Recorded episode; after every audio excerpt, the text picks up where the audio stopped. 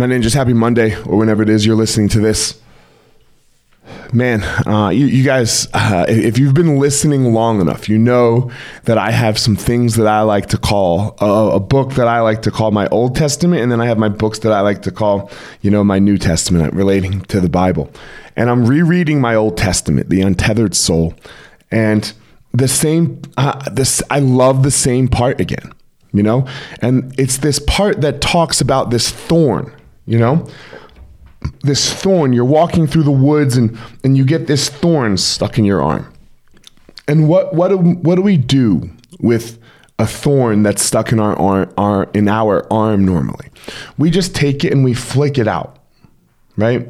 We just take it and we flick it out. Uh, you know, the the wound heals when the wound heals. You know, you probably won't notice it in five minutes. But for some reason, we don't do this with our uh, with our hearts and our inner our inner thorns. I think is what he calls them. We we build protection mechanisms around that around them. We build apparatuses and things so that nobody can touch the the thorn. Right inside, inside of us. Imagine if that's what we did with without with actual thorns on our physical body. You know? And he says, what if you built an apparatus that protected the world from the thorn?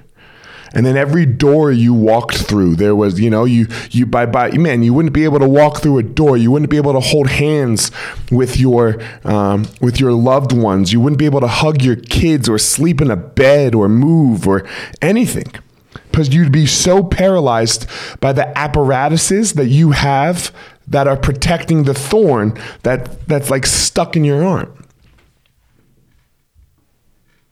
So the question becomes why don't we just do the same thing with our inner thorns that we do with our outer thorns? And let's remember this outer thorn hurts for a second. It's not like the thorn doesn't hurt. It hurts. When that thorn pricks you, you go, ah, shit. And it hurts and you flick it out. And maybe it hurts for five minutes. Like it's, you know, or if you get a cut, maybe the cut hurts for a day or a week. But it heals because you don't prevent it. You don't act like it didn't happen.